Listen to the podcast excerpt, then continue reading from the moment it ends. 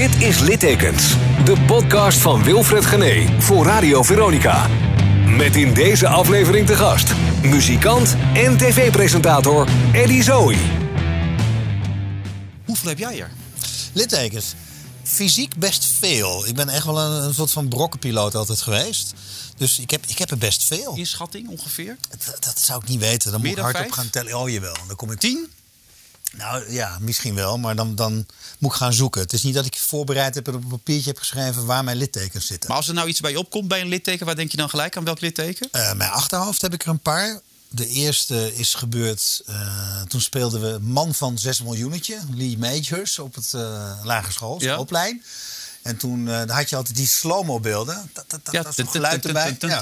Ja. En ik vond, ik vond het heel leuk om dat slow-mo beeld te doen als ik achteruit viel. Maar je kunt natuurlijk niet slow-mo achteruit vallen. Dus ik viel op zo'n puntig muurtje. Dat is dat van, ja, een muurtje is tot ongeveer zo hoog. Dat is een mooi puntje. Ja. En dan viel ik met mijn hoofd op.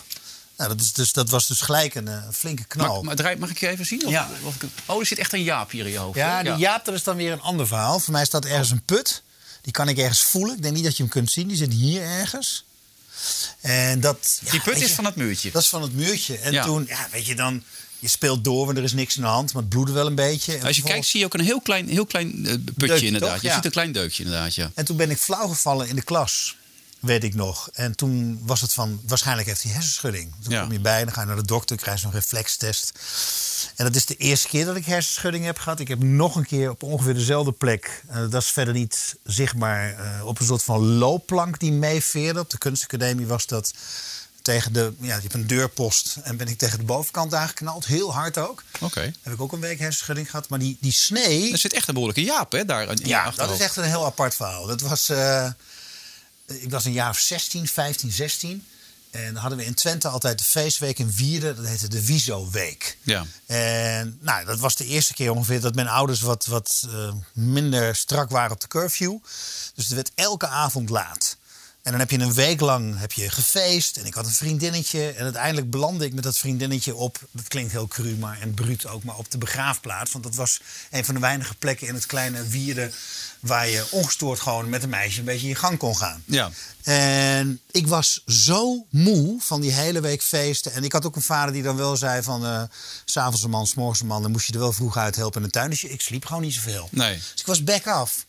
En ik stond te zoenen met een meisje tegen een boom. En ik ben gewoon van vermoeidheid ben ik, eh, flauw gevallen, ben ik oud gegaan. En ik ben gevallen op een afgezaagde boom. Zo. En dat is deze snee. En voor het meisje eh, moet het een drama zijn geweest. Want ja, je staat op een begraafplaats, het is Zo. stikke donker. En er ligt een gozer met zijn ogen te draaien. En ik denk dat ik nou, misschien wel tien minuten, eh, dat is haar verhaal, eh, echt oud ben geweest. En toen kwam ik weer bij, heeft ze me achter op de fiets gezet.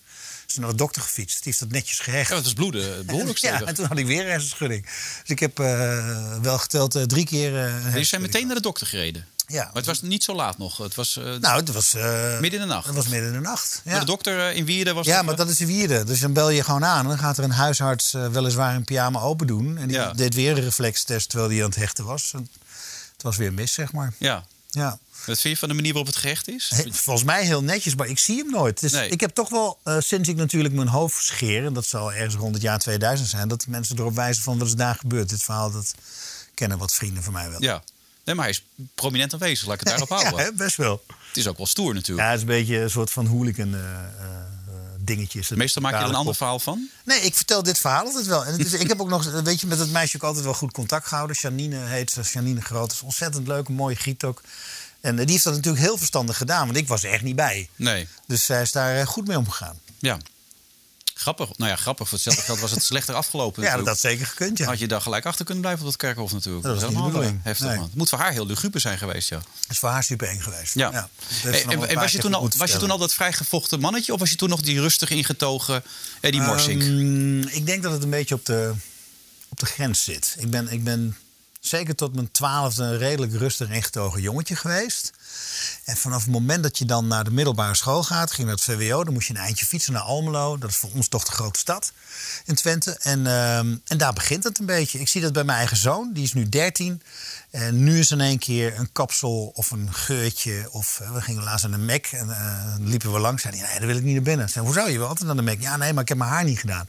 En dat herkende ik heel erg. Want ik heb ook een moment gehad dat je in één keer het boeiend vond. Vijver. En toen ben je blijven zitten toch in de tweede klas? Ja, En toen ben- kwam er een soort keerpunt voor jou. Ja, dat is ook een keerpunt eh, geweest. Toen was dat, dat, dat was nog meer. Hè, want dan zit je in één keer bij ja, mensen in de klas die toch nog weer wat jonger zijn. En toen was ik inderdaad al een beetje met haar en met uiterlijk en, en, eh, en met bandjes bezig. En dat is wel een keerpunt geweest. Maar niet, niet zozeer naar wild of zo hoor. Ik ben. ehm, Nee, crossen, zuipen en uh, laveloos op een vrouw vallen, dat was niet jouw ding, hè? Nee. Terwijl dat bij jullie heel normaal was in die Ja, en misschien is dat dan wel weer een vorm van eh, ja, je afzetten. Dat weet ik niet, maar ik heb wel... Ik vond het nooit prettig als we dan, eh, hoe jong we waren, ook zo'n Wiso-week, dan was je 14, 15, 16. En dan zag ik echt vriendjes van mij laafloos. En dat, dat dacht ik altijd van, dat, gaat, dat wil ik niet. Dat, laat ik niet. dat moet mij niet overkomen. Dus ik, heb, eh, ik vond drank niet lekker, dat scheelt. Ik vond bier niet lekker, vond ik een vies drankje. En daar in Twente is het feesttenten, witte feesttenten. En het enige wat je kon krijgen is bier, cola, water en wijn. En ik vond bier niet lekker, wijn niet lekker. Dus het was voor mij toch over het algemeen gewoon water. Dus ik heb pas heel laat ben ik ehm, eh, gaan drinken. Uh, voor mijn dertigste heb ik nooit... Ja, whisky. Dus voor mijn dertigste heb ik nooit echt alcohol gedronken. Dus eh, dat, dat hele wilde waarvan mensen denken... oh, je was een jonge, wilde, vrijgevochten jongen... dat zit niet in drank of dat soort uitlatingen bij mij. Nee. Ben je ooit dronken geweest of nooit, zeg maar? Uh, Eén keer, twee keer eigenlijk. Eén keer voor opnames in Deauville met de Liegende Hollander. Toen moesten we bij een een of andere... Um, uh, appelwijnboer moesten we iedere keer zoveel mogelijk van die duurste Calvados drinken als hij niet keek. Dus iedere keer als hij zich omdraaide, dan sloeg ik weer wat achterover. Daar ben ik wel redelijk dronken of aangeschoten ook van, van naar buiten gekomen. En we hebben ooit een keer voor Try Before You Die met Peter Klashorst wilden we vanwege de verhalen van de grote schilders... die dan met absint uh, gingen hallucineren... hadden wij zoiets, nou Peter, laten wij eens gewoon... we hebben echt een goede fles absint uit uh, Tsjechoslowakije toen nog gehaald... en uh, nou, die buit maken. En die hebben we buiten gemaakt. Toen voelden we nog niet zoveel. Hebben we nog een fles aangebroken. En ik weet dat ik door de producer van toen... een soort van plat ben gelegd in zijn... Uh, je had toen zo'n mini met zo'n achterkant. Toen ben ik plat ingelegd. En ik werd s'morgens wakker in een bed. En alles plakte aan mij. En dat, was, dat waren de lakens. Want ik zat helemaal onder de verf. Dat natuurlijk ook geschilderd. Oh ja. Daar kan ik me helemaal niks meer van herinneren. Dus dat is heel bizar dat je s'morgens wakker wordt... en dit verhaal moet horen. En dat je dus helemaal onder de verf ligt. En dat zijn denk ik de enige twee keer dat ik wel echt aantoonbaar van Ja. de wereld was. En dat was ook nog eens functioneel, want het moest vanwege je Het werk. moest, dus. Ja, ja. anders had je het niet gedaan. Ja, nee, klopt wel. Maar privé zou je het nooit doen. En niet zo snel. Ik ben ehm, in het uitgaan al helemaal niet zo'n drinker. Want ik rijd meestal. Dus dan combineer ik dat niet. Jij heet niet Eddie, maar eigenlijk had je Bob. Ja, Ja. eigenlijk wel. Ja. En thuis vind ik het wel lekker. Als ik een Netflix-film kijk, heb laatst die eh, drie uur durende film eh, van Irishman? Scorsese gezien, The Irishman. Ja. Ja. dan zit ik daar wel met een whisky bij. En dan willen er ook wel twee of drie glaasjes in gaan. Maar heel veel verder dan dat komt het niet. Maar heeft het ook te maken met wie je bent? Dat je controle altijd wil behouden? Dat heb ik me wel vaker afgevraagd of dat zo is. En ik weet niet, ik weet, dat weet ik niet. Dat- Misschien is dat wel een beetje zo. Misschien ben ik wel iemand die de controle graag wil houden. Maar in, in wat, wat eh, kunstzinnige uitingen, zeg maar, daar, eh, daar ben ik denk ik echt redelijk vrij. Daar heb ik het is niet het gevoel dat ik dan eh, dat in controle wil houden. Dan kan ik het ook wel helemaal loslaten. Het grappige is, ik probeer je voor te bereiden op zo'n interview. En dan probeer ik interviews te vinden. Maar ik kan niks spannends van je vinden. Nee, ik, Helemaal niks. Je bent helemaal een tijd geleden, toen moest ik ergens iets presenteren voor een live audience zonder camera, een soort van talkshow. Het was zo'n gozer op de eerste rij die zei: dat was toch, eh, dat was toch, jij was toch dat? Nee, nee, dat was ik niet. Dat was er op campus. En, eh, oh ja, nee, jij bent gewoon saai. Toen dacht Ja. ik, ja, eigenlijk wel een beetje. Ik bedoel, eh, in de zin van of het eh, mediatechnisch boeiend is. Nee, ik, dat, ik heb niet wat dat betreft nou enorm spannend leven geleid. Ja, op een gegeven moment ik kwam een artikel tegen. Dat ging dan over de verslavingen van bekende Nederlanders. Ik, nu heb ik hem. Nu zal het gaan gebeuren. En toen bleek je graag vogels te kijken. Ik Ja, leuk, hè? God zeg, wat is dit nou toch, man? Ja, het, het, het- daar, hoef, daar hoef ik me helemaal niet voor te verdedigen. Ik vind het nog steeds heel leuk. Maar dat is wel iets wat van jongs af aan ja, je overkomt. Je woont in Twente, je zit vlakbij een natuurgebied. Ik had een ontzettend lieve vader die ons af en toe mee de natuur innam. En dan wees die vogeltjes aan. Van hé, hey, dat is een buizerd op dat paaltje. En de lucht staat een torenvalk. En dan moet je een spreekbeurt geven. Zo gaat dat op een lagere school. En toen dacht ik, nou, vogels, ga naar de biep, zoek je een boekje uit. 450 Nederlandse vogelsoorten. Werkelijk? Zijn er zoveel? Dan kijk ik niet goed.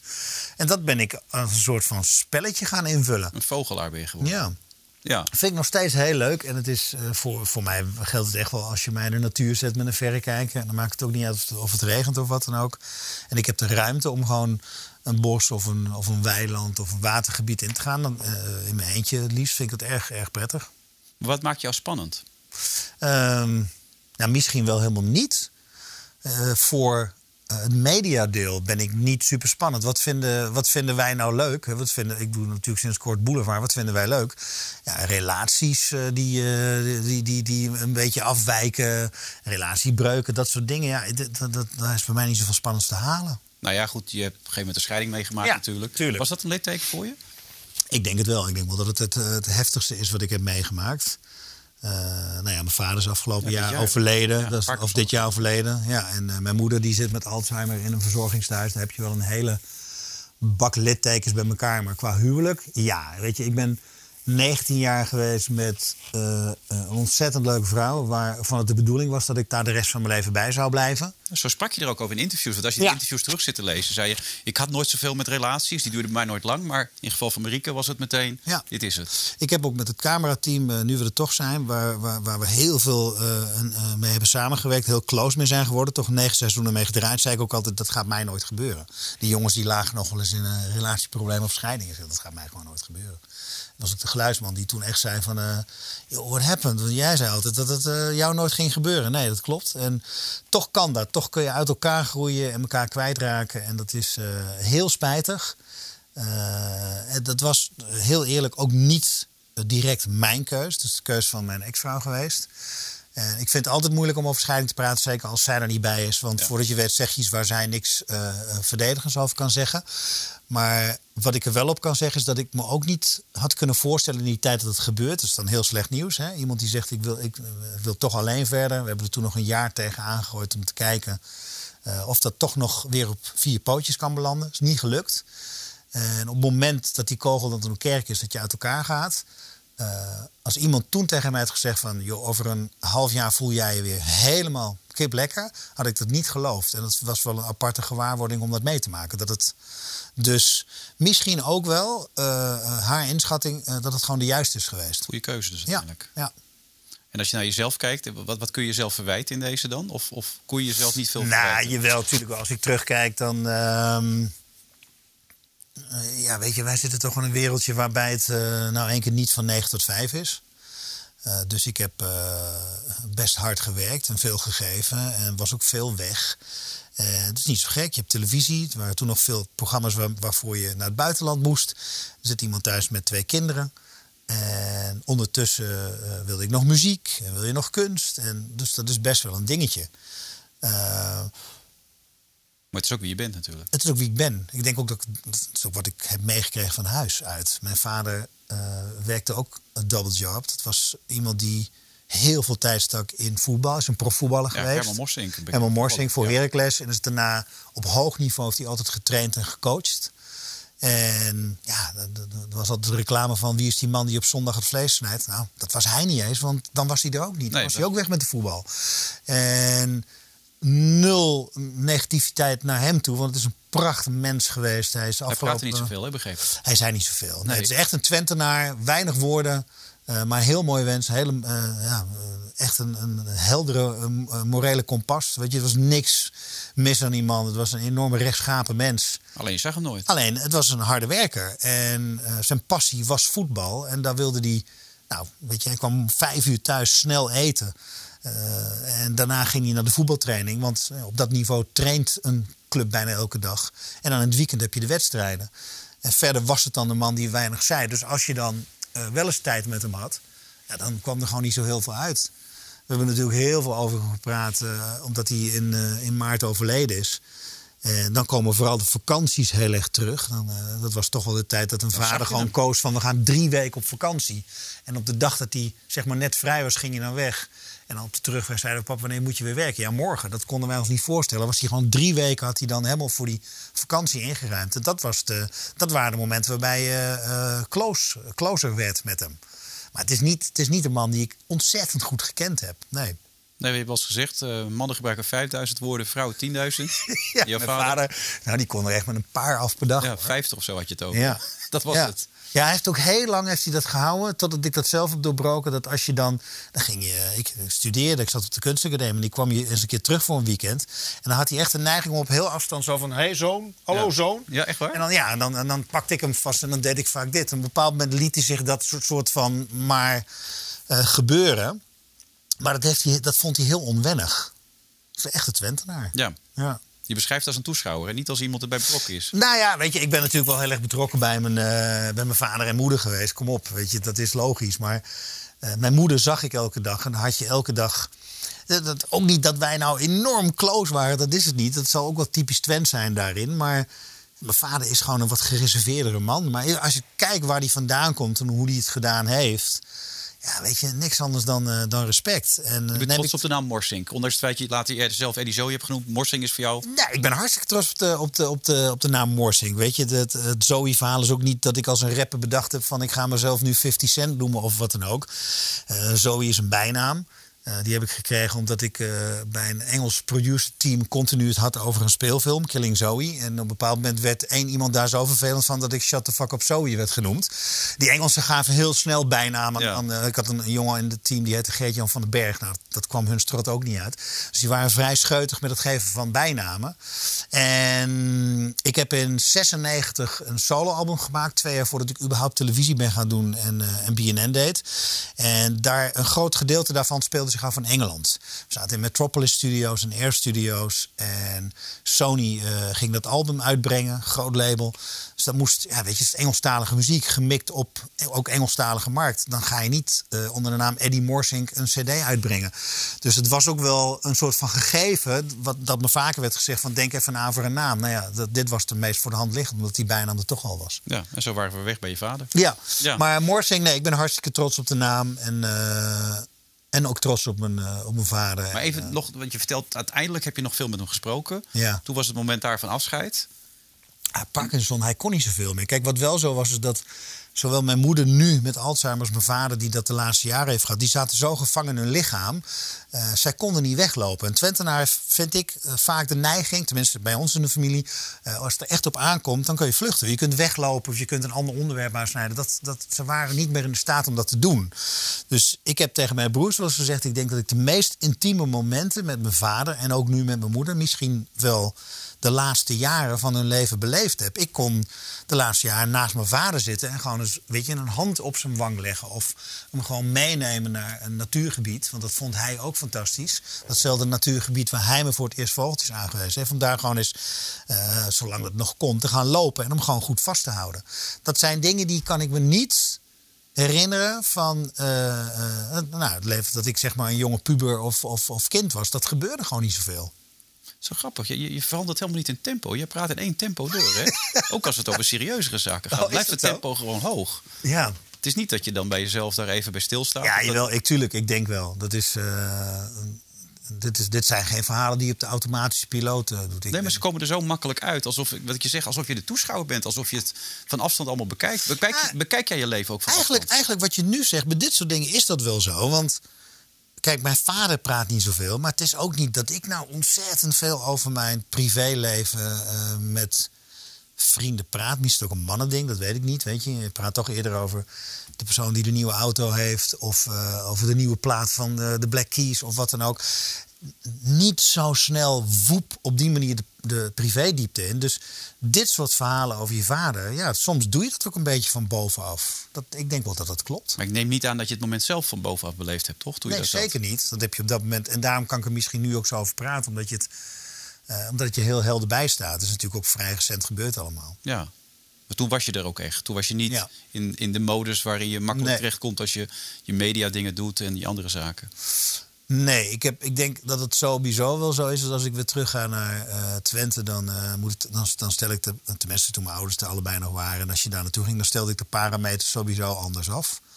En dan. Daar, daar heeft het geen nut om in je mediamodus eh, praatjes te vertellen. Dat wordt ook heel gauw afgestraft, kan ik je vertellen. Nou ja, maar het grappige is, je vertelt ook over je vriendin. Die heeft psychologie gestudeerd, Sarah, toch? Ja. Of niet? Ja. Dat je juist hele goede gesprekken hebt allebei. Dat je, Ja. dat je elkaar echt kan vinden daarin ook. Ja, dat klopt wel. Maar dan ben je ook echt heel iemand anders ook. Dan dat we nu te zien krijgen voor jou. Nou, ik ben gewoon wat, eh, wat rustiger in private. En het is niet dat ik nu een knopje aanzet, hier naar binnen ga en dan praat. Maar ik, ik vind het ook heel prettig om gewoon, als je gerichte vragen krijgt. En misschien gebeurt het ook wel niet heel veel in je privéleven. Dan ben ik echt wel bereid om daar een antwoord op te geven. Dat is het punt niet. Dus dan, eh, dan, dan verwoord je dat ook gewoon op de manier zoals je Ja. dat eh, wil verwoorden.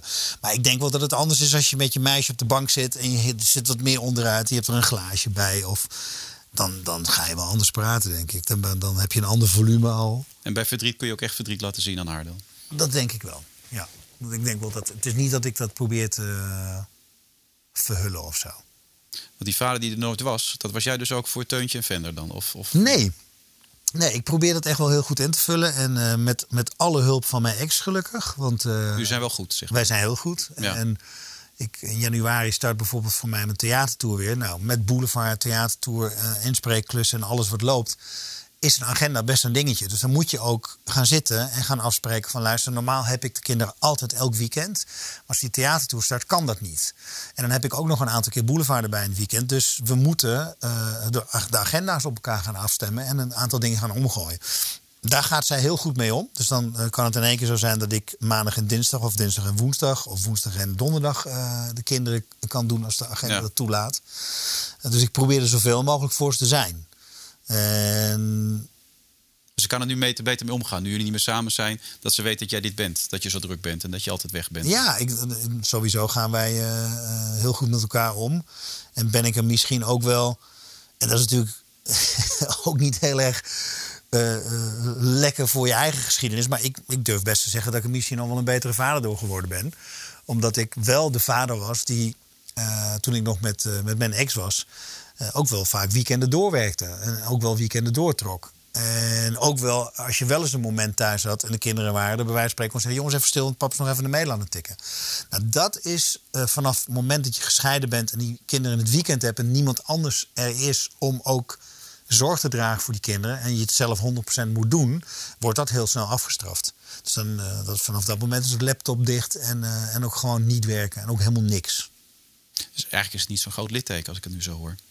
Nou ja, Nee, zoals je erover praat, is het eigenlijk alleen maar beter geworden. Ik, ik denk dat het eh, om, voor ons allebei, voor zowel eh, Marieke als voor mij, zitten wij nu in een hele eh, prettige situatie. Daar ben ik hartstikke gelukkig mee. En misschien heb je wel gelijk, misschien is het daar beter door geworden. Maar het is natuurlijk niet wat je in je kop hebt. Je hebt dat is misschien ook mijn opvoeding geweest. Nee, ik denk ook niet dat zij een litteken heeft. Maar het is wel zo dat je... eh, ergens had je natuurlijk heel graag gewild dat je dat eh, tot het einde der tijden had kunnen volhouden.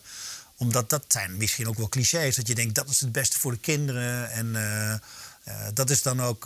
dan heb je niet gefaald. En dat is. Dat is Hoe ervaren de kinderen het dan? Dat merk je toch nu? Ze ja, ouder. Nou, de kinderen hebben, die waren natuurlijk jong. Weet je, dat is toch alweer vijf jaar terug. Dus dan praat je over leeftijden van vijf, zes, zeven jaar. En die hebben dat in het begin. Is dat begrippen niet direct? Zeker niet bij Teuntje, bij de jongste. Want dan wordt er eigenlijk alleen maar gepraat over. Ja, dus we gaan in twee huizen leven. Mag de nieuwe kamer dan roze? Dat soort dingetjes. Die zien daar wat voordelen van in. En tuurlijk merk je dat gemis. Maar ja, aan de andere kant, omdat papa er ook niet zo heel veel was, eh, is dat gemissen door de week bijna al niet echt. Nou, dan eh, aan het weekend zijn ze bij mij. Dat was in het begin wat moeilijk, want dan missen ze heel erg de moeder. Dan moeten ze in één keer bij papa zijn. Papa is leuk, maar waar is mama dan? Ja. Dat heeft wat tijd gekost, maar dat gaat, eh, dat gaat ook wonder wel heel erg goed. En het is voor hun zo gewoon. Ik denk dat voor heel veel kinderen dat het bijna het kader is. Ik heb dat wel ge- gevraagd aan ze van eh, hoeveel van de, van de kinderen zijn bij jullie in de klas nog bij elkaar. Nou, dat is schrikbarend weinig. Dus dat is soort van het nieuwe kader. En dat is zo gewoon geworden dat ze daar ook geen uitzonderingspositie mee hebben. Het feit dat je niet al je eh, littekens weet, ben je wel echt bewust van jezelf? Of leef, leef je ook een beetje door altijd? Nee, ik, ik, ik ben wel bewust van mezelf. Maar het is wel zo dat als ik in een periode zit, zit ik nu een beetje in. waarin het wat drukker is. dan zit ik misschien wel wat langer vast in die eh, hogere versnelling. Ja. Dat klopt wel. Maar nee, ik, eh, eh, dat is misschien ook wel de reden waarom ik nog zoveel naast eh, dat heb wat, eh, wat voor de financiën zorgt. Ik heb dat gewoon nodig. Eh, ik heb hiervoor ook, zit je een uur toch weer met een gitaar in je hand. Of eh, probeer je daar waar nodig een, eh, een uurtje te schilderen. En dat vind ik, dat is voor mij ultiem rust en Ja. afstand nemen. En, ja, Dingen als boulevard is om geld te verdienen. ik vind ik ook heel leuk, hè? Laat dat duidelijk zijn. Ik heb ehm, presenteren direct als heel erg leuk ervaren vanaf het moment dat dat begon. Ja, maar een paar jaar geleden zei je, het is ook wel goed zo. Ja, Geen klopt. tv meer. Nou ja, het is niet. Ik, weet je, ik, ik ben heel blij dat ik, dat ik nu weet dat ik er niet financieel van afhankelijk eh, hoef te zijn. Ja. Alle andere dingen werken ook voldoende om daar een heel leuk leven uit te halen. Dit is wat jachtiger, maar het is ook wel heel erg leuk. Ik vind, eh, Wat maakt het leuk dan? nou, Boulevard vind ik leuk omdat het is live. Dat, heb ik, dat ken ik niet zo goed. Dat was ook wel een van de triggers om dat toch maar eens te gaan doen. Uh, en er zit een verhaaltje bij, want live heb ik heel lang bij BNN afgehouden. Dat heeft te maken met dat ik uh, migrainepatiënt ben. En af en toe dus gewoon eventjes ja, uh, niet live zou kunnen functioneren. Maar dat gaat nu goed? Dat gaat goed. Die medicijnen zijn ook wat dat betreft gewoon, gewoon verbeterd. Risatriptane heet dat. Dus dat is, daar kun je wat beter mee werken. Maar live, ja, god, weet je wat is het leuk aan live? Is dat je rijdt wel eens terug dat je denkt, ja, ik heb daar een kans gemist. Uh, maar als het een fijne aflevering is, dan zit je toch op een soort van haaierij prettig terug. En dat is ook klaar dan. Het is ja. niet meer van oh, de montage kan nog verkloot worden. Of je ziet het terug. Nee, ik vind het niet goed. Of een zender ziet het terug. Nee, het moet opnieuw gemonteerd. Of er moet nog een nieuwe voice-over in. Of dit klopt niet, dat klopt niet. Dat is allemaal weg. Het is lekker licht, hè? Want jou niet van journalistiek, hè? Heb je wel eens gezegd, jaren. Nou, ik vind journalistiek. Ik weet je, bedoel, ik zou het zelf niet willen maken. Nee. Ik vind het heerlijk om een volkskrant uh, op, een, uh, op, een, uh, op een mat te krijgen. Maar journalistiek. Ik heb uh, jaren geleden uh, wel eens met, uh, aan Jeroen Pauwk gevraagd van... wat, is er nou, wat is er nou echt blijven hangen van al die dingen die je dan dagelijks behandelt... die op dat moment zo ontzettend hot zijn. En dat zijn er natuurlijk ook niet zo verschrikkelijk veel. Actualiteiten worden wat dat betreft, vind ik, enorm overgewaardeerd. En dat is allemaal heel erg belangrijk. En, hoe, hoe, maar en uiteindelijk, ja, weet je... En dan vind je deze luchtigheid die je nu mag etaleren op uh, boulevard en alles. Heerlijk. Dat vind je fijn. Speels. Ja, kauwgom voor de geest, zeg maar. Hoe zeg je? Kauwgom voor de geest. Gewoon. Ja, ik vind het wel een mooie. Het is ook echt leuk. Uh, en ik heb me er wel in moeten verdiepen. Weet je, toen ik een telefoontje kreeg, heb ik wel uh, moeten zeggen van uh, mind me. Ik moet het wel een paar keer kijken, want de laatste keer dat ik het gezien heb was met Albert Verlinde. Dus ik ga me er wel even in verdiepen voordat ik bij jullie langskom. Weet je waarom ze bij je uitkwamen eigenlijk? Um, daar kan ik alleen maar naar gissen. Maar ik wist wel dat uh, boven Everdoorns natuurlijk zou stoppen. Ja. En op dat moment zijn ze wellicht gaan zoeken naar iemand die daarvoor in de plaats uh, zou terecht kunnen komen. Ja, je hebt belachelijk veel tv-ervaring. Als je jouw cv, de track record pakt, is het niet normaal wat je gedaan hebt. Ja, maar niet met live dus. Nee. Dus daarom vond ik het wel te gek. En helemaal omdat Blue Circle ook weet dat ik uh, dat migraine dingetje heb. Daar heb ik wel eens eerder met ze mee te kampen Maar het zou nog kunnen gebeuren bij Boulevard? Ja, het kan wel gebeuren. Maar eigenlijk is het helemaal niet erg dat het gebeurt. Want dan kan je het gewoon zeggen. Ja, dat bedoel ik. Met live is het voordeel dat je het gewoon kunt vertellen. Ja. En gewoon kunt zeggen, luister, er gebeurt even iets... waardoor ik even één kant van mijn... Uh, uh, bij mij, dat heet dan klassieke uh, migraine met klassieke auravorming... of klassieke migraine met auravorming. dus ik, op een bepaald moment gaat het schitteren... En dan word ik blind van licht. Dus als je heel lang in lampen kijkt, dan zie je niks meer. Nee. Dat, dat is dus wat zich langzaam voltrekt voor je ogen. Uh, met als gevolg dat je je papiertjes op de desk gewoon niet meer kunt lezen. Nee. En ook je persoon waar je mee praat niet meer kunt zien. Uh, en bijvoorbeeld een autocue ook niet meer zou kunnen lezen. Nou hoeft dat niet zo'n punt te zijn, want als de autocue uitvalt heb je je papiertjes Ja. nog. Maar je ziet, je ziet dus eigenlijk niks meer. En vrij snel, ik denk een minuut of tien later, word je echt heel erg, krijg je koppijn, maar echt verschrikkelijke koppijn. En word je goed misselijk. En daar helpen die, uh, die risatriptanen heel, nou ja, heel goed, maar goed genoeg tegen. Maar niet dusdanig dat het, heel, dat het een feest is om door te gaan. Dus dat Maar zou... Kink en Co weten het. Die kunnen altijd als ze zien dat het gebeurt... Nou, bij Blue Circle weten ze het omdat ik ooit met Take Me Out één aflevering of één opnamedag. Wij namen toen zes uh, en ik geloof zelfs zeven op den duur uh, afleveringen per dag op. En ik heb één keer gehad dat ik s'morgens naar de uh, studio reed en af moest bellen. Omdat ik zei, ik zit nu in de auto en ik moet nu terug, want dit gaat niet goed. Nee. Dat is natuurlijk best wel een financieel probleem. Want Ja. je hebt daar, eh, wat is het, vijf kandidaten. Ja. een, eh, een zaal vol publiek, eh, twintig mensen, personeel met camera's, geluid, noem maar op. Dus toen is er wel besproken, dat als dit ooit weer gaat gebeuren, als we weer tien of veertien dagen gaan opnemen, dan moeten we wel een soort van, eh, hoe noemen ze dat, een stand-in of bij musicals, een, eh, zo'n zo'n zo'n Ja. zo'n zo'n iemand in de coulissen hebben zitten die dat wellicht zou kunnen overnemen. Toen is er geloof ik gepraat over dat Bridget dat zou doen. Dat is niet voorgekomen. En nogmaals, ik heb het niet heel vaak, maar het is voor mij altijd wel een soort van schrik. Boulevard is nog niet gebeurd. Boulevard is niet gebeurd. Ik heb met Nee. radio ook het wel eens gehad. En dan, eh, nou, dan pak je een emmer en die kort je vol. En dan wacht je tot Koen Zwijnenberg het komt overnemen. Dat heb ik wel eens meegemaakt. Ja. Ja. Met radio kun je een doorstart maken van vijf platen. Dat is niet zo'n punt. Ja, maar het is ook goed dat je het gewoon bespreekbaar maakt. Want daardoor Ja. krijg je het ook als het gebeurt dat iedereen het begrijpt. Weet Ja. je wel? Dan maakt het... En, en dat vind ik ook het aparte. Oh, nu ben ik, ik vergeet even dat ik de interviewer ben. Hè. nee, maar vertel. Nee, dat vind ik ook het aparte. aan- Dat, dat zag je vroeger heel vaak. Dat als er iets fout ging, dat iedereen in paniek schoot. Ja. En dat het niet kon. Maar vandaag de dag is het toch Nee, je moet het gewoon uitleggen. Ja. Ja. ik denk ook dat dat het beste is. Gewoon uitleggen dat het gebeurt. En let's face it, Boulevard. Er zitten, er zitten vier, vijf mensen eh, soms eh, naast en op de bank en noem Daarom. maar op. En ik denk dat er, dat er altijd wel één iemand bij zit die Ik op dat Peter moment dat. Vries het graag over wil nemen. Ja, dat denk je. ik Die- ook. Nou jongens, dames en heren, goedenavond. Er zit altijd iemand bij die dat even eh, zou kunnen doen. En, Ja, dan heb je gelijk een alibi. en je houdt het zo lang mogelijk vol. Ja. Eh, zou je er nog eentje kunnen bedenken die je hebt qua, qua litteken? Ja, ja, misschien jawel. met Ik heb, leuk verhaal eh, erbij ik heb ook. hier, ik heb hier, de- kijk, als je heel goed kijkt, zie je een enorme streep over deze Oh ja. duim. Ja. Dus dit, eh, dit was een gevecht bij handvaardigheid in de eerste klas van het VWO. met een Stanley-mes, waarbij we dus iets moesten snijden in, hoe heet dat, linoleum. En ja, nee, ik wil hem. Nee, ik wil Eh, dat meisje heette Lies, Lies ter stal. En Lies die had het mes en ik had een enorme... Ja, mij hing echt soort van te bungelen. Dus het was gelijk naar ehm, het ziekenhuis en hechten. En ik heb ja, verder nooit eh, ook maar iets van last van gehad. Maar er werd wel gezegd, ja, dat had ook weinig gescheeld. Of eh, je had hem niet meer gehad. Of er was echt iets schadelijks doorgesneden. Dus eh, die kan ik me nog goed herinneren. Wat littekens Je op niet, voeten niet en iets met. Lies gehad trouwens? Nee, ik heb nooit Nee? iets met Lies Oh, gehad. oké. Nee, wel een leuke vrouw want hoor. Je was een womanizer, weet je nou. Maar...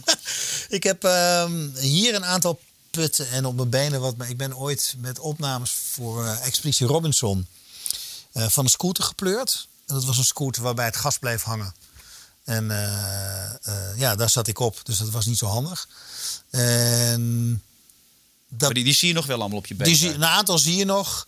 En dat was, ik ben toen ook gevallen op mijn kin. En ik had Daarom toen- heb je dat baardje sindsdien. Of? nou, ik had, ik had dat sikje ook toen met opnames. En er was toen een Noorse arts die zei: We halen de sik eraf en dan kan ik hechten. Ik zei: Nee, nee, dat kan niet. Continuïteit. Want ik heb die sik voor Ja. Robinson. En dat, dat, die baard groeit alleen maar. Zei, die, dat kan niet. Je moet echt gewoon door de baard. Ja, maar dat is heel riskant. Want dan kan zo'n haartje. Het maakt me echt niet uit. Maar die sik gaat er niet af. Je moet er echt doorheen hechten. En het waren niet veel hechtingen hoor, twee of drie. En, eh, en verder heb ik die. Er is niemand gezien bij Robinson. Want verder heb ik gewoon eh, de rest van de, de programma's gepresenteerd met lange broek en lange mouwen. Want ik had wel wat meer schrammen. Ja. En, eh, en een aantal zijn ook blijvend. Maar dan zit je dik over de tien heen, ja.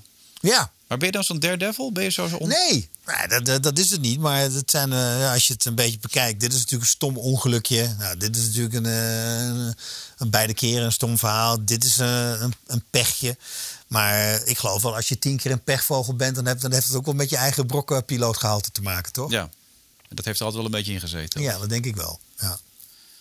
Ik, ik zei het even van Lies, hè, of je daar wat mee hebt gehad. Maar je hebt toch een tijd gehad dat je de vrouw heel leuk vond. Het, het, vlieren fluiten en... eh, Ik vind vrouwen nog steeds leuk. Ik heb wel eens geroepen ten tijde van eh, een Take Me Out. Omdat iedereen zei bij Prestator en allemaal eh, mooie vrouwen. Ja, maar je wordt, je, wordt- je wordt bij wijze van spreken elke dag wel een keer eh, verliefd. Zoveel leuke vrouwen zijn er wel. En Ja. dat, dat is ook gewoon zo.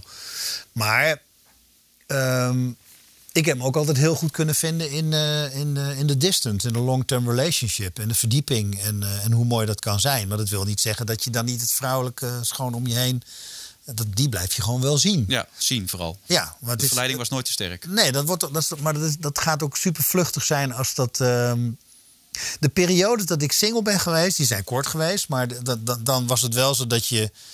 nou, de ene avond ga je met eh, de ene op stap en de andere avond ga je met de andere op stap. Maar ik, ik, vond, het, ik vond het zelfs een beetje vermoeiend. Op een bepaald Ja. moment dacht ik gewoon, ik vind het heel prettig dat ik gewoon thuis nu eh, even een keer een avond niks op de buis kan zitten. Je bent eigenlijk een lul, zoals je al zei. Ja, wat dat betreft wel, ja. Ja. Maar al die aandacht, al die, al, die, al die roem die je op een gegeven moment hebt vergaard... Ja. heeft je dat veranderd? Heeft je dat een ander mens gemaakt? Eh, ik denk het wel. Eh, dat gebeurt. Ik, ik denk dat de meeste mensen die ik ken in media, dat zul je ook hebben, is dat. ehm, ik was vroeger heel makkelijk in grote crowds. Ik vond festivals leuk. En uitgaan vond ik leuk. En dat vind ik eigenlijk allemaal niet meer leuk. En dat heeft toch te maken met het feit dat eh, je merkt dat je gezien wordt, bespied wordt, in de gaten wordt gehouden, eh, gefilmd wordt. Dat vind ik gewoon niet zo leuk. En eh, ik, heb, ik ben nu natuurlijk weer redelijk prominent of prominenter op televisie. Ik heb toch een jaartje of drie, vier gehad dat ik dat wat, wat minder was. En dan neemt het heel snel af. Hmm. Was dat fijn? Oh, dat vind ik heerlijk. Ja, echt. Ja, dat is zo hypocriet altijd van die bekende Nee, maar dat vind ik, zeggen. ik vind dat echt. En dat weet iedereen in mijn omgeving ook. Daar, daar, wordt, daar, daar, knap ik toch van op. En, eh, Als dat zo fijn is, als jij, dan nou, terug? dat is een goede vraag. Omdat ik dit ook heel leuk vind. Eh, omdat ik het werk ook heel erg leuk vind. Dit is alleen, dit is een beetje wat erbij hoort. Ik heb heel vroeger met een bandje zei ik altijd... je moet zorgen dat je niet razend populair wordt. Je moet niet een boyband worden. Je moet soort van een beetje zoals Marillion. Weet je, de bassist van Marillion kan gewoon naar de supermarkt... en die kan gewoon Sham halen. Dat, Saga, dat soort bandjes. Yes, die kant moet je op. En Maar bij televisie is het verschrikkelijk moeilijk. Ja, of je moet gewoon je leven lang National, National Geographic dingen blijven doen. Dat vind ik ook tof. Of voor RTV Utrecht een natuurprogramma, wat ik waanzinnig vind. Hmm. Dan kan dat. Maar als, als je de vraag krijgt om een boulevard of voor een grote zender een programma te presenteren, dan moet je die afweging maken.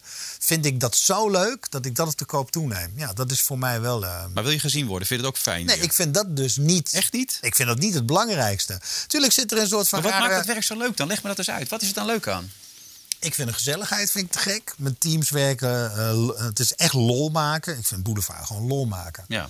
En het is ook een soort van. Het is een spanningsveld. Ik heb dat toen ik wat jonger was op de basisschool. had je aan het einde van de week had je een, een weekslot, een weeksluiting. En dan, dan werd je wel eens gevraagd om een hoofdrol te spelen. Ik vond dat die, de, de thrill van aan de ene kant zenuwen, maar dan ook op het podium staan en het goed doen. Dat, dat, dat vind ik een magische combinatie, vind ik nog steeds. Dus het heeft ook wel te maken met ehm, eh, misschien iets van jezelf overwinnen. En gezien worden, hè, natuurlijk. Dat is altijd de kern, toch? Ik bedoel, op een bepaalde ik heb dat- manier. dat Kijk, echt nou, gezien even, worden- even, even de eh, psychologie van de koude grond. Sorry, maar die vader van jou die jou nooit zag... Ja. Is dat niet een beetje dat ook meespeelt dan? Dat, dat je dan, dan wel een podium nodig hebt om... Dat weet ik niet. Ik heb, ik heb podium alleen maar boeiend gevonden omdat ik, ehm, ik. Ik wilde. Televisie heb ik nooit gewild. Het is nooit een droom van mij geweest. Je hebt zoveel tv gemaakt. Maar bandjes wel. Ja. Ik wilde ehm, vanaf het moment dat ik top op zag en artiesten zag optreden en Queen met een pak en een rare uitzending en een microfoon op de kop, dacht ik: wauw. Kiss, Paul Stanley met make-up en een gitaar met spiegels. Dus wat doe je als jochie? Je pakt je tennisracket, die gaat het voor een spiegel nadoen. En ik heb eigenlijk altijd vanaf dat moment gedacht: van dat moet het zijn, muziek. Alleen dan wel bandjes waarbij je nog steeds dat op het podium kunt doen nog steeds alles kunt geven, maar je niet direct zo populair wordt dat je vrijheid weg is. En ik denk dat televisie voor mij het dichtste komt bij dat wat ik met bandjes nooit bereikt heb. Ik heb heel, vanaf jongs af aan, ik denk eh, begin jaren 80, dat je demo's maakt. Vanaf 86, eh, een soort van bijna kind aan huis bij platenmaatschappijen met demo's, maar ook je kansen krijgen. Vanaf 91, 92 bij Polygram getekend als componist, auteur en later met Jay van den Berg een aantal dingen gedaan en produceren. Is het voor mij altijd geweest van ik, ik wil kijken of ik daar zeg maar mijn living van kan maken. En wat er het dichtst bij in de buurt kwam, want dat, is, dat heeft wel een tijd gewerkt financieel, maar nooit met een bandje je- die droom kunnen Je verwezenlijken. was niet goed genoeg. Nou, ik denk, nou, dat weet ik niet, maar het is wel de reden waarom ik bijvoorbeeld nu nog steeds met een bandje op tour ga qua theatertour. Om Was dat je gewoon goed te genoeg, blijven. denk je zelf? Ja, je Ben je goed genoeg? nou, ik denk wel dat het goed genoeg is, ja. Ja? Dat, Dus eh, eigenlijk word je niet mag je, dat mag je in Nederland nooit zeggen. Tuurlijk. Nee, ik denk echt gewoon dat het goed genoeg is. Het is Ja. alleen eh, Het wordt niet goed tele- genoeg. televisie. Henk Jan Smit zei ooit van eh, bij televisie eh, heb jij eh, iets unieks. En met muziek is het niet dat het niet goed genoeg is. Maar eh, er is al zoveel op dat vlak. En daar herken ik wel iets in.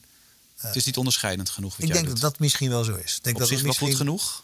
Ja, ik denk dat dat misschien in die periode, dat dat zo was, hè, op het moment dat, dat die kans van doorbraken was, eh, is dat, eh, is dat dat misschien niet onderscheidend genoeg. Om toch even in het thema te blijven. Is het een litteken voor je? Is dat een frustratie? Nee, nee, want ik maak het nog steeds met heel veel plezier. Ja. En ik ben ook wel eh, ver genoeg om te, te, te erkennen dat wat, wat Henk Jan toen zei, dat ik denk, ja, daar heeft hij gelijk. Maar dat heb ik zelf ergens ook wel geweten. Dat toen televisie gebeurde voor mij, was het vooral het, het, het, het rebellengen of zo, wat mensen heel boeiend vonden. Ja, dat maakt jou uniek, zeg maar. Dat, nou ja, ik weet niet of het nu nog zo is, maar toen was het er echt niet. Nee. Er was de, Bij BNN was het echt gewoon... ja, BNN heel, helemaal als zender. Dat Ja. was natuurlijk echt wel eh, vooruitschrijdend. Het was, eh, nou weet je, YouTube was er nog niet, maar dat was het YouTube van die tijd. En daar, eh, op die, op die bandwagons, daar sprong ik bij op. Want la- laat vooral duidelijk zijn dat, eh, dat we niet in de schaduw van Bart de Graaf kunnen staan. Want die heeft dat wel geïnitieerd. Weet je, dus dat was fantastisch. Ja, maar toen hij zo ziek werd, werd jij het boegbeeld. Nou ja, tegen wil en dank ergens. Want voor mij was het een. Was, ik had niet eens een contract. Hè. Het was, ik deed dat erbij. Ik, Ja. ik reed nog heen en weer van Enschede. Met, met alles wat daar met muziek gebeurde. En dat heb ik toen stopgezet. Omdat ik zelf ook wel inzag. Daar gebeurt iets. En ik vind het gaaf. En ik word er heel blij van. En de, de ENG-clubjes, wat ik heel lang heb gedaan met Nu Weer Toch Zijn... daarvan heb ik altijd gezegd, dit komt het dichtst bij op tour zijn met een band. We gaan ook met flightcases op pad. Je slaapt ook in hotels of je belt bij mensen aan of wat dan ook. Het is, dit, is, dit is het leven wat ik eigenlijk altijd wilde leiden. Maar is het niet irritant dat je in iets beter bent wat je eigenlijk niet zou willen, maar eigenlijk het andere? Nou, dat weet ik niet. Ik, ben, ik, jongen, ik, ik prijs mezelf gelukkig dat ik al die dingetjes eh, heb kunnen omvormen naar eh, het maken van een living. Want eh, met muziek verdien ik nog steeds wel gewoon ook geld. Ja. Het, is niet, het is niet dusdanig hobby Nee. dat het alleen maar geld kost. Maar als jij een theater toe doet, vorig jaar van de, de geschiedenis van de Nederlandse popmuziek, geloof ik. Ja. heel veel mensen verbaasd naar over zeggen: Goh, ik wist niet dat je zo goed gitaar kon spelen. Nee. Dat is dan niet irritant? Zo? Ja, jawel, tuurlijk wel. Ja. Tuurlijk, tuurlijk, is dat, eh, tu- tuurlijk is het ergens irritant dat je voor je gevoel... eh, misschien ergens wel niet een keer een podium hebt gehad... waarbij je dat goed hebt kunnen laten zien. Aan de andere kant, ik, de laatste jaren heb ik ook het gevoel dat het, eh, dat het prima klopt zo. Ben je wel eens boos eigenlijk? Kun je boos worden? Ja, zeker wel. Ja hoor. Waar kun je boos om worden dan? Als iets naar mijn eh, idee niet eh, professioneel eh, gedaan wordt... of, of, of dat mensen in mijn omgeving waar je toch afhankelijk van bent... hun werk niet goed doen, natuurlijk wel. Dan Maar je, je komt, je, ben je ook geen incidenten tegen? Ja, je hebt op een gegeven moment geen contract meer getekend bij BNN. Dan kon je er zakelijk niet uitkomen. Maar er stond ook niks heftigs omheen of zo. Nee, het was toen, dat was toen de overstap naar RTL 5. Hmm. En ik weet, ik had, ik had de pen in de hand om, om bij te tekenen. Voor mij was het 2008 en ik zou bijtekenen tot 2011. Eh, maar ik, in mijn achterhoofd zat wel iets van... ja, maar je gaat wel heel veel meer van hetzelfde doen. Eh dat was toen Nu we er toch zijn, gewoon in Nederland. Nu we er toch zijn in het buitenland. En Toen werd er gepraat over Nu we er toch zijn eh, wintersport. Ik dan ben ik alleen maar weg. Ja. En je doet heel veel van hetzelfde. En toen belde RTL 5, we hebben iets aangekocht. We sturen nu naar je toe. Dat heet Take Me Out. Daar moet je maar eens naar kijken, want wij vinden dat jij het moet doen. En ik heb toen denk ik heel goed met BNN kunnen overleggen. Ik kan me die meeting nog verschrikkelijk goed herinneren. Ik zei, luister, dit is er aan de hand. Ik heb met RTL gepraat, die komen met dit voorstel. Ik heb toen gezegd, ik ga zeker niet overstappen voor één programma. Maar ik ben er wel gevoelig voor. En vervolgens komen ze met Expeditie Robinson. Wat gaan we hier aan doen? Hmm. Dat is een, eh, een meeting geweest waarbij eh, mij duidelijk werd dat eh, BNN in elk geval niet de plannen had toen om een soortgelijk dingetje, want Take Me Out zou, eh, was een kans dat het ook daar terecht kwam. Ja. Toen heb ik gevraagd, en met, met wie had je dat programma dan gemaakt? Nou, toen werd mijn naam niet genoemd. Toen wist ik, ja, maar dan gaat het ook, dan gaat, dat soort dingen gaat hier ook niet gebeuren. Ik heb wel eens gepraat over studio, noem maar op. En ik wil BNN zeker geen trap nageven, want fantastische dingen gemaakt, fantastische tijd gehad. En alles klopte daaraan. Ja. Maar het was voor mij een soort van, het, eh, misschien is het goed. Misschien is het goed om dit gaan te gaan doen. Maar er zijn nooit echt incidenten geweest in jouw carrière. Ruzies, boosheid. Ja, vast wel, maar wie weet hebben ze de pers niet gehad. Ik weet het niet. eh. Nee. Je bent een keer van een podium afgehaald, zo'n beetje op het moment dat het programma zou beginnen. Toen werd er gezegd, we trekken toch de stekker eruit. Wat- Klopt dat? Was dat mee? Dat weet ik niet. Dat heb ik ooit een keer van je gelezen ergens. Dat je zei, ja, ik vind het ook een verschrikkelijke wereld zo nu en dan. Dat je zei, dat had wel wat chiquer gemogen. Dat eigenlijk ook op punt stond om het podium bij wijze van spreken te betreden. Trokken ze de stekker nog uit. Maar Oh, dan weet dat ik is niet echt traumatisch geweest als ik het zo hoor. Want je weet het zelf niet eens meer. Oh, ja, nee, nee. Ik weet wat je bedoelt. Het was. ehm, ik, eh, ik stond op het podium om het eh, zeg maar theaterpodium op te lopen. En toen kreeg ik inderdaad een telefoontje van eh, RTL. En die zeiden: wij gaan, we gaan niet met je door met eh Expeditie Robinson. En dat was wel een dingetje. Kijk, joh, weet je, ik bedoel, eh, nee, ik ben niet haatdragend, want ik weet dat het niet op de persoon is. Eh, Nee. Er zijn meer mensen eh, die te horen hebben gekregen bij een programma dat het stopt. En ik geloof er niet in dat het is, of het nou Gillian van Vessem is, of het nou Dennis Wening is, of dat ik het nou ben, of Karel van der Groot, of heb je nog meer, Jan-Pieter Hagens, weet ik Ja. veel wie allemaal, die ooit een belletje hebben gehad van we gaan niet door met jou met dit programma. Het is niet omdat ze denken jij doet het niet goed. Er zijn vaak andere redenen. Weet je, we kunnen iemand krijgen die voordeliger is. We willen eh, we hebben een- Vernieuwen, verjongen, ja, we hebben, we hebben maar. een nieuwe Ja. zenderbaas en die wil, eh, wil andere gezichten. Dus ehm, alleen de timing daarvan vond ik wel wat verrotje. Als je net het podium op moet Mm. en je hoort van Robinson stop voor jou. Eh, en ergens was het voor mij ook wel weer zo. Misschien is dat wel wat dan werkt bij mij. Het relativeren ervan. Dat op het moment dat het gebeurt, dat je telefoontje krijgt, denk je, nou, dat, dat, dat is niet. Zo hoort dat niet, toch? Of het is niet lekker. Of, dan denk ik wel weer, nou weet je, ik vind het ook wel goed zo. Want eh, ik heb Robinson, eh, hoe goed het programma ook is en hoe dik ze al jarenlang die ring verdienen. Het is als presentator, is het niet de allerleukste klus op aarde. Nee, veel, veel wachten heb je wel Nou, in die tijd was het eh, twee maanden van huis, heel veel wachten. En ehm, qua creativiteit is het nou niet echt direct heel veel spontaniteit zit Nee, daarin, toch? Dat is Boulevard veel leuker. Ja, dat is Ja. ook echt zo. En dat zijn wel eens dingen die... eh, ik weet dat in die tijd dat mensen ook zeiden... Nou, take me out dat je dat doet, daar snap ik niks van. Maar dat Robinson, ik denk nou, voor mij, ervaring is precies andersom. Take me out is alles wat ik leuk vind aan presenteren. 100% improvisatie. eh, op een dag heel veel meters maken. eh, zes afleveringen op een dag erop knallen. Je kunt me niet gelukkiger maken. Weet je, als ik, als, ik wil, als ik een dag voor werk heb staan, wil ik ook het liefst gewoon werken. Hm. Hoeveel staat er nu nog op het programma voor vandaag? Nog zes andere dingen? Uh, Voice-overs nog bij National Geographic. Uh, Dr. Doolittle inspreken en vast nog iets daarna. Ja. Dat weet ik zo even. En zo ziet het er elke dag uit. Ja, weet je wel. En dat vind je fijn? Ja, ik vind het heerlijk, ja. Ja. Hoog tempo? Ja, jawel. Maar... Um, de, de, dat geeft je power. Nou, wat je net zei, vind ik wel mooi. Van, je zit een soort van één tempo te rammen. En dat komt misschien ook wel dat, ja, weet je, als je daar, als je gezellig over zit te praten, vind ik dat ook leuk. Maar er zijn echt wel momenten dat ik gewoon uh, gas terugneem. Ja. Nog één andere gekke, dat je door een haai bent gebeten, door iemand bent neergestoken. uh. Nee, dat is Freek Vonk. Ik heb ooit met Freek Vonk heb ik loslopend wild gemaakt voor National Geographic. Toen was Freek, Freek nog helemaal niet zo bekend. Mm. En toen was Freek alleen maar bezig met het bespringen van krokodillen. En toen heb ik ook wel gezegd, Freek, jongen, dat gaat een keer mis. Ja. Dus ik was natuurlijk de eerste die werd toen hij door een haai werd gebeten van uh, Told You So. Maar Ja. nee, dat heb ik niet. Had wel kunnen gebeuren, want ik heb ook vaak genoeg slangen gepakt. En, eh, en, en eh, met piranha's inderdaad in de handen gestaan. En met BNN met name in het begin heel veel linker dingen gedaan. Maar die dingen gingen altijd goed. Ja. Dus daar ben ik blij om. Moet je dit tempo ook hebben om je jeugdige vriendin kunnen bij te houden? 22 jaar jonger, is dat nodig om dit te blijven uitstralen, die power? Dat weet ik niet, misschien wel. Het is wel het dingetje wat. ehm, kijk, als je, als je met een hele jonge vriendin een relatie krijgt, is het natuurlijk vrij logisch dat er gevraagd wordt van, maar hoe sta je dan ten opzichte van kinderen? En daarvan heb ik altijd gezegd, daar heb ik echt de energie nog wel voor. Want voor Ja. mij is dat wel een energieding. En als je dat niet wil, dan moet je geen relatie beginnen met een jonge vrouw die misschien eh, eh, vijf, tien jaar later in één keer eh, dat wel wil. En als dat, als dat gebeurt, dan lijkt me dat nog steeds hartstikke leuk. Ja. Dus die energie heb ik nog wel. Ja, als ik jouw energie heb, dan kunnen er nog wel drie kinderen komen. Ja, Nou ja, wie weet. Ja. Als die jou ligt, geen probleem. Nee, Leuk. ik vind dat echt geen probleem. Nee. Maar op korte termijn kan dat nog niet, want ze wil zelf carrière Nou, ze moet, ze moet eerst eh, natuurlijk gewoon eh, officieel de studie afmaken. En ze heeft zelf ook een aantal dingen nog die ze heel graag wil doen en waar ze mee bezig is. Dus dat is goed.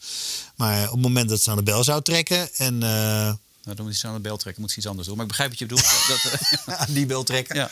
ja. nee, dan, eh, dan is dat toch eh, dat is altijd bespreekbaar. staat de deur open, hoor ik wel. Ja, Ja, ja, zeker. Grappig, je hebt er heel veel, maar uiteindelijk ben je helemaal niet getekend. Ben ik achtergekomen. Althans, dat is mijn indruk van je Qua, vandaag. qua littekens. Nee, ja, je hebt er veel, maar je bent ja, ja, ik je snap bent, wat je bedoelt. Ja, je bent Ja. eigenlijk een gezegend mens als ik jou zo hoor, eh, Eddie. Ja, ik, dat, zo voelt het wel. Ja. ja. Fijn toch? Absoluut, ik ben Ja. hartstikke gelukkig mee. Kan ik je alleen maar mee feliciteren. Nou, dankjewel. Ja, fijn dat je er was. Ik vond het leuk om te zijn. Dankjewel.